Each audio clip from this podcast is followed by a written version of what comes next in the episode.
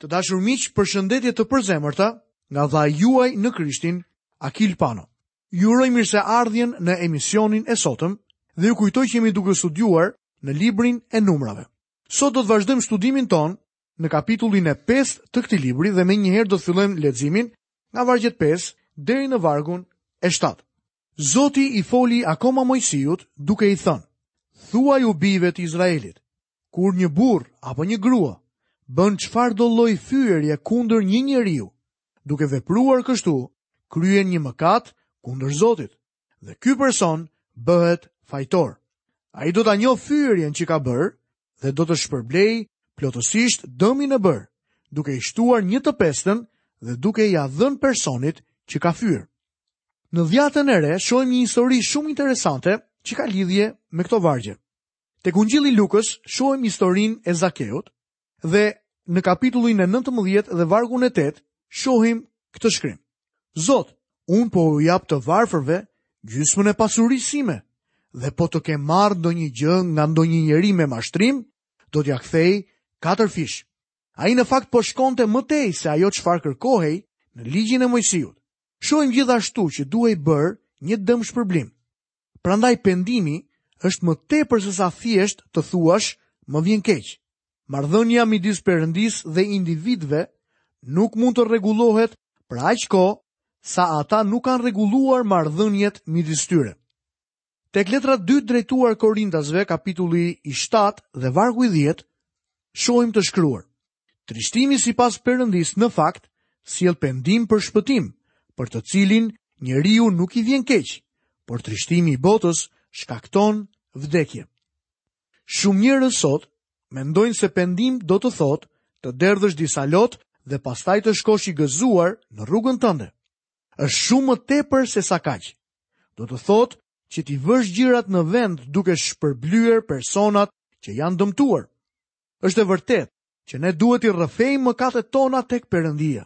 Por kujtoni, gjithashtu se Zoti ynë tha: Nëse ti pra po paraqet ofertën tënde tek altari dhe atje kujtohesh se yt vëlla ka diçka kundër teje, lëre atje ofertën tënde përpara altarit dhe shko pajtohu më parë me vëllanë tënd, pastaj kthehu dhe paraqite ofertën tënde. Bota mendon që dikush mund të derdh lot dhe për pak kohë të hajë i përulur tortën dhe pastaj çdo gjë rregullohet. Kjo është ajo që quhet trishtimi i botës. Tek letrat e Korintasve, ky lloj pendimi është i pakuptimtë. Babai im më ka treguar për një varkë të vogël në një lum. Ajo kishte një kazan të vogël, por një bori të fortë. Kur varka lundronte kundër rrjedhës dhe i binte borisë së saj, kthehej mbrapsht. Nuk mund të ecte kundër rrymës dhe t'i binte borisë në të njëjtën kohë. Ka shumë njerëz të tillë sot. Pendesa e tyre është si puna e asaj borie. Ata derdhin lot me bollëk, por nuk ka asnjë kthim nga mëkati, asnjë kthim tek Zoti, asnjë dëmshpërblim ndaj atyre që janë dëmtuar. Për këtë arsye, nuk ka asnjë rritje në jetën e tyre shpirtërore si të krishterë. Tani do të lexojmë në kapitullin e 5, vargjet 11 deri 15 dhe 18 dhe 19.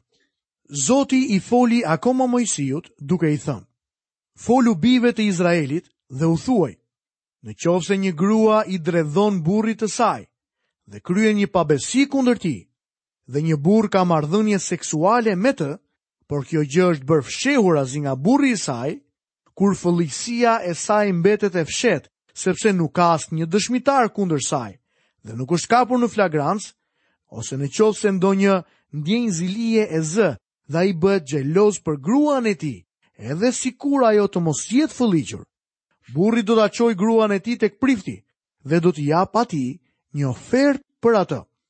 Një të dhjetën e një efe miell elbi. Nuk do t'i derdhë sipër vaj ulliri, as do t'i vërë sipër temjan, sepse është një blatim ushqimor për xhelozi, një blatim përkujtimor i caktuar për të kujtuar një faj. Pastaj prifti do ta mbajë në këmbë gruan përpara Zotit. do t'i zbulojë kokën dhe do të vërë në duart e saj blatimin përkujtimor, që është blatimi ushqimor për xhelozinë. Ndërsa prifti do të mbajë në dorë ujin e hidhur që sjell mallkimin. Pastaj prifti do ta vërë gruan të betohet dhe do t'i thotë: Në qoftë se asnjë burrë s'ka rënë në shtrat me ty dhe nuk je larguar nga rruga e drejtë për t'u fëlliqur, ndërsa ishe e martuar me burrin tënd, je e përjashtuar nga çdo efekt i dëmshëm i këtij uji të hidhur që sjell mallkimin. Vargjet në vijim na tregojnë se gruaja duhej të pinte ujin e hidhur dhe nëse pësonte fryrje të barkut, dobësim ijesh, atëherë do të bëhej një mallkim në mes të popullit. Nëse nuk ishte ndotur, por ishte e pastër, atëherë do të lirohej. Ky test kishte një efekt të tmerrshëm psikologjik mbi personin, veçanërisht nëse ishte fajtore. Pse nuk ishte një burrë subjekti i një testi të tillë? Bibla nuk na mëson një standard të dyfishtë. Në këtë rast, burri kishte dyshime për gruan. A mund të ishte fajtor një burrë? Sigurisht që po. Tek libri i Levitikut, shohim dhe do të shohim sërish tek Ligji i Përtërirë, se nëse një burrë apo një grua kapeshin në tradhti, të dy ata do të qëlloheshin me gurë deri në vdekje. Në Bibël nuk na tregohet që ka një standard të dyfishtë. Atëherë pse duhej testuar vetëm gruaja?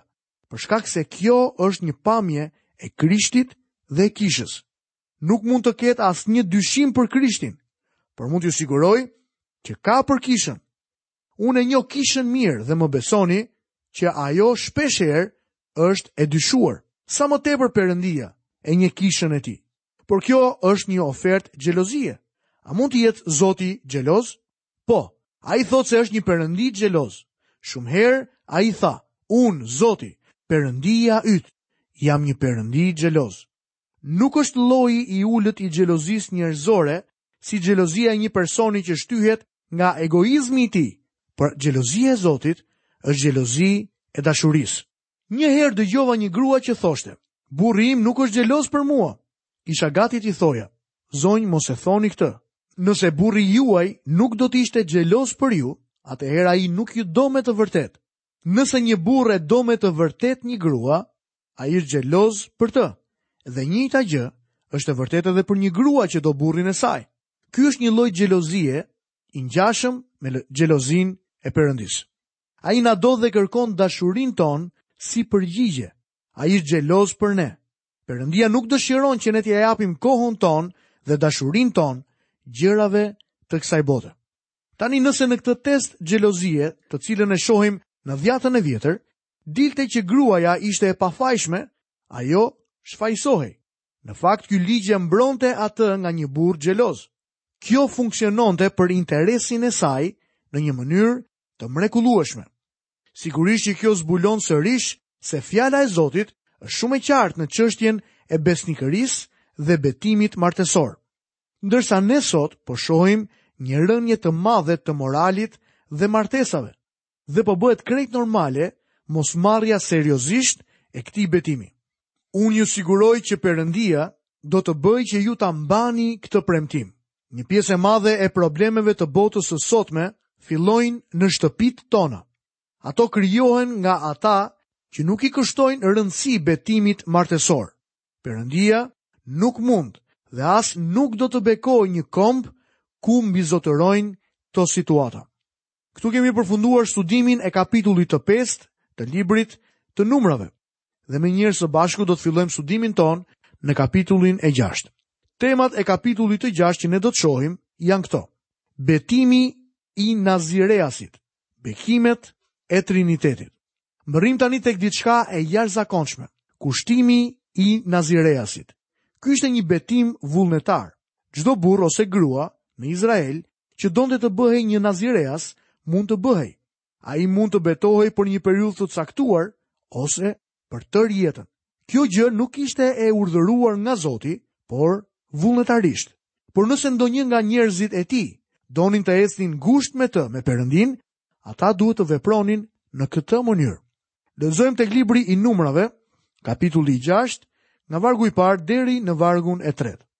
Zoti i foli akoma Moisiut duke i thënë: Folu bijve të Izraelit dhe u thuaj atyre: Kur një burrë ose një grua do të lidhin një kusht të veçantë kushtin e nazieratit, për t'iu shenjtëruar Zotit, do të heqin dorë nga vera dhe nga pije të tjera që të dehin. Nuk do të pinë uthull të bërë nga vera, as uthull të përgatitur me pije dehëse. Nuk do të pinë asnjë lëng rrushi dhe nuk do të hanë rrush as të freskët, as të thatë. Kur një person zotohej për të bërë këtë betim të nazireasit, atëherë atij do t'i ndaloheshin tri gjëra. Së pari, nuk duhet të pinte më verë ose pije të forta. I ndalohej çdo prodhim që vinte nga rrushi. Kjo nuk ka të bëjë fare me pyetjen, është e drejtë apo e gabuar të pish verë. Mund t'ju them këtë dhe do të doja të më dëgjonit me kujdes. Standardi i krishterë nuk është standardi i drejtë apo i gabuar. Çështja është kjo. Cili është qëllimi yt në atë që ti je duke bërë? Apo e bën për të kënaqur Krishtin? A dëshiron të bëhesh një nazireas për Perëndinë? A do të jetosh për të? Kjo është çështja. Njerëz të ndryshëm më kanë pyetur nëse është e drejtë që një i krishterë të pijë verë. Miku im, nuk kam dëshirë ta diskutoj këtë pikë. Nuk dua të diskutoj me ty nëse është e drejtë apo e gabuar. Dua të di nëse ti do me të vërtetë të kënaqësh Krishtin apo jo. Vera në shkrime është simboli i gëzimit tokësor. Ajo është për të gëzuar zemrën. E gjithë çështja këtu qëndron tek Nazireasi që ky person duhet ta gjente gëzimin e tij në Zotin. Ka shumë të krishterë sot që nuk e gjejnë gëzimin e tyre në gjërat e Zotit, në fjalën e tij, apo në miqësinë me Krishtin, por në gjërat e kësaj bote. Miku im, ku e gjen ti gëzimin? Po ta bëj këtë pyetje shumë personalisht. A ke nevojë për stimulimet e kësaj bote për të gëzuar gjërat e Krishtit? A merr ti me të vërtetë gëzim nga studimi i fjalës së Zotit? A të shuajn apo të ndezin lutjet? Sa prej nesh sot mendojnë se jemi me të vërtetë të krishterë dhe shpirtërorë, kur gjithçka që bëjmë është sjellja e botës në aktivitetet tona. Së dyti, Kur një person zotohej për betimin nazireas, ai nuk duhet ta rruante kokën. Lexojmë në vargun e pestë. Gjatë gjithë kohës së kushtit të shenjtërimit, brisku nuk do të kalojë mbi kokën e tij, derisa të mbushen ditët për të cilat iu shenjtërua Zotit, do të jetë i shenjtë. Do t'i lërë flokët e tij të rriten të gjatë mbi kokën e tij. Pali na thotë tek letra e parë e Korintasve, kapitullin e parë dhe vargun e 14. Po vetë natyra, a nuk ju mëson se në qofë se një burrë i mban flokët e gjata, kjo është një çnderim për të?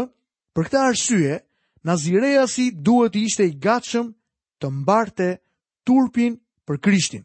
Floku i tij i gjatë do të tregonte se ishte i gatshëm ta ndante atë vend me Krishtin i cili tha, por unë jam një krimb dhe jo një njeri, turpi i njerëzve dhe përçmimi i popullit. Një varg i gjetur tek Psalmi 22 dhe vargu i 6. Së treti, ai që zotohej të bëhej nazireas nuk duhet të prekte asnjë trup të vdekur. Lexojmë vargun e 6 dhe të 7. Për gjithë kohën që i është shenjtëruar Zotit, nuk do t'i afrohet ndonjë trupi të vdekur.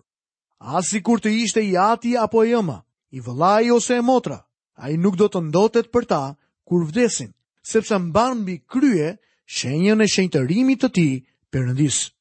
Në kapitullin e 5 lexojmë që një lebroz duhet të nxirrej jashtë nga kampi dhe e njëjta gjë do të ndodhte me atë që ishte ndotur nga një i vdekur. E shikoni pra, bota është vendi i vdekjes. Dikush mund të thotë që vdekja është kufiri më i thellë i kësaj bote sot. Vdekja është vula e një toke të mallkuar prej mëkatit. Nazireasi nuk duhet të prekte trup të vdekur. Ai duhet të ndahej nga bota.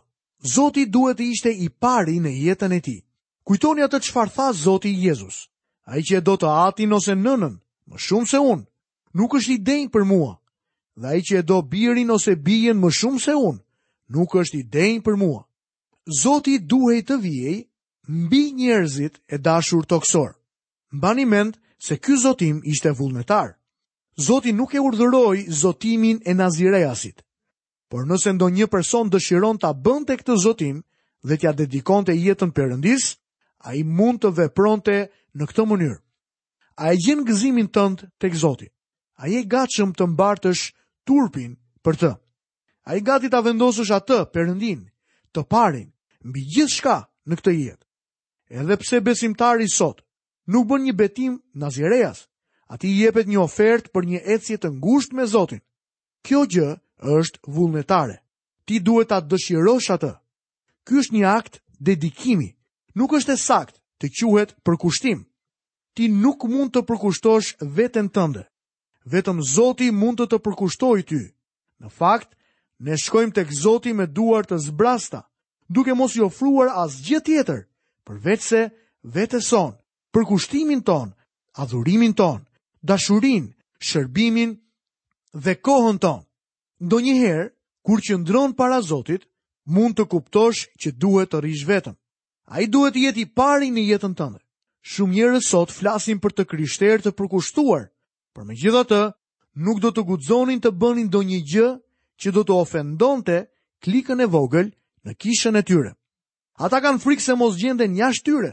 Ka disa njerëz që mendojnë se janë të përkushtuar, por që nuk kanë forcën apo qëndrueshmërinë për t'i rezistuar këtyre grupeve të caktuara në kishë. Kështu që thjesht shkojnë me turmën, shkojnë pas saj. Ju e shihni, nëse doni t'ia jepni veten tuaj Zotit, Krishti duhet të ketë prioritetin numri 1 në jetën tuaj. Ti duhet të gjesh gëzimin dhe kënaqësinë tënde në të. Lexojmë vargun e 8. Për gjithë kohën e shenjtërimit të tij, ai do të jetë i shenjtë për Zotin. Mendoj se një pjesë e madhe e njerëzve sot po humbasin bekime të mëdha. Ndoshta edhe tani ti je duke kaluar një kohë prove. Pse nuk e ndan veten tënde mënjanë për Perëndin? Nëse je i krishterë, jepja veten tënde Zotit në një mënyrë të përcaktuar qartë. Kjo gjë nuk do ta largojë provën, por do ta bëjë atë më të lehtë për t'u kaluar. Zoti Jezus tha: "Ejani tek unë, o të gjithë ju të munduar dhe të rënduar, dhe unë do t'ju jap çlodhje." Merrni mbi vete zgjedhën time dhe mësoni nga unë, sepse unë jam zemërbutë dhe i përulur nga zemra, dhe ju do të gjeni prehje për shpirtrat tuaj. Është e mrekullueshme të jesh në një zgjedh me të. Lexojmë vargjet 9 dhe 10.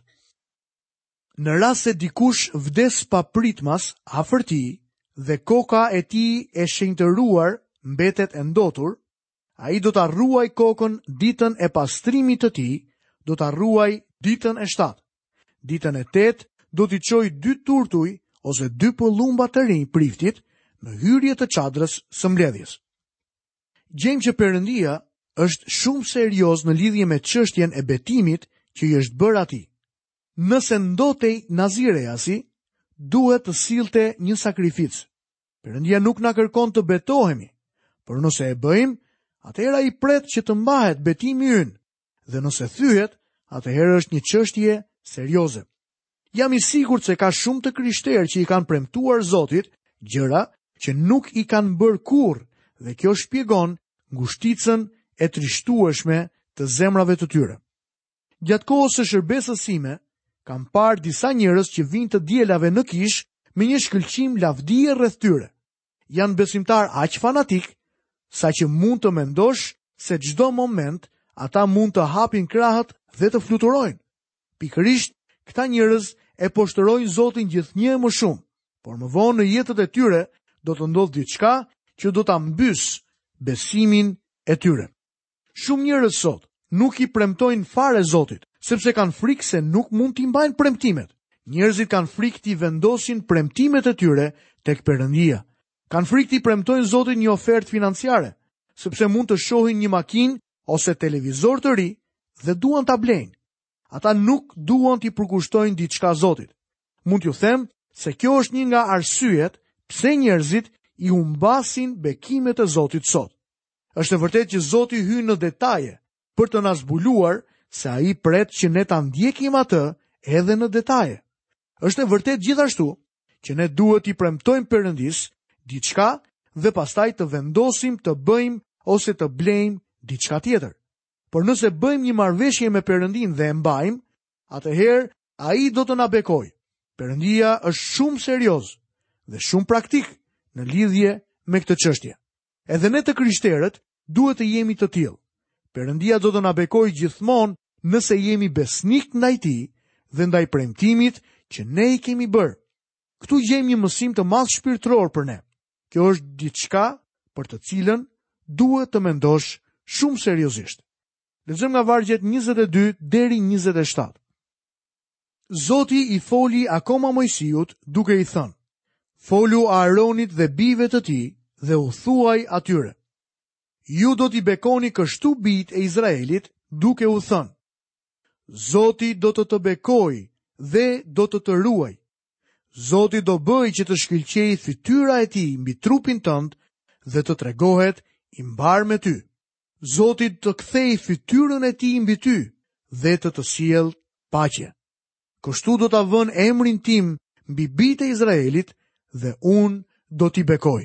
Këto bekime quhen bekimet e Trinitetit. Këtu shohim Trinitetin në Testamentin e Vjetër. Ati Perëndi është burimi i të gjitha bekimeve. Zoti Jezus bën që të shkëlqejë fytyra e tij mbi ne.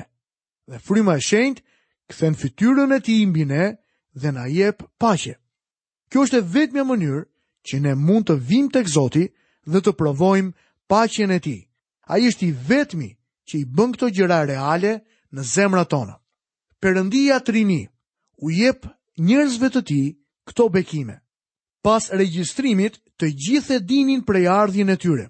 Pasi u ngritën flamujt, ata e dinin se kujt i përkisnin. Çdo izraelit duhet të ndiqte flamurin e tij dhe të fushonte në vendin e caktuar me fisin ose familjen e vet. Kampi u pastrua, tani Zoti po i bekon njerëzit e tij. Kjo është e vetmja mënyrë se si Perëndia mund të bekojë. Shumë besimtarë sot nuk po i provojnë bekimet e Perëndisë. Ata nuk janë të përgatitur si duhet për marshimin. Po përpiqen të nisen pa i sistemuar më parë gjërat. Janë si një ushtar që një mëngjes harroi të vinte brezin e tij. Më besoni, është me të vërtetë e vështirë të marshosh dhe të mbash një armë pa e patur brezin. Sot miku im ka kisha dhe besimtarë që nisen pa i rregulluar më parë gjërat.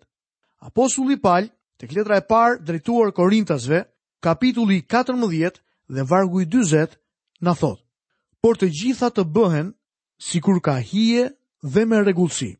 Pra gjërat më të rëndësishme janë këto: të njohësh prejardhjen tënde, të dish që je fëmijë i Perëndisë, të njohësh flamurin tënd, të dish se cila është dhuntia jote dhe ta përdorësh atë. Ta mbash jetën tënde të pastër. Çfarë bekimi i mrekullueshëm. Ati Perëndi na mban fort. Biri bën që fytyra e tij të shkëlqejë mbi ne. Ai është drita e botës dhe fryma e shenjtë na jep paqen. Çfarë kapitulli i mrekullueshëm dhe i lavdishëm në librin e numrave. Të dashur miq, këtu kemi mbërritur dhe në fundin e emisionit të sotëm. Nga vëllai juaj në Krishtin Akil Pano, paçi të gjitha bekimet dhe paqen e Perëndisë me bollëk në jetën tuaj. Bashkë mirudëgjofshim në emisionin e ardhshëm.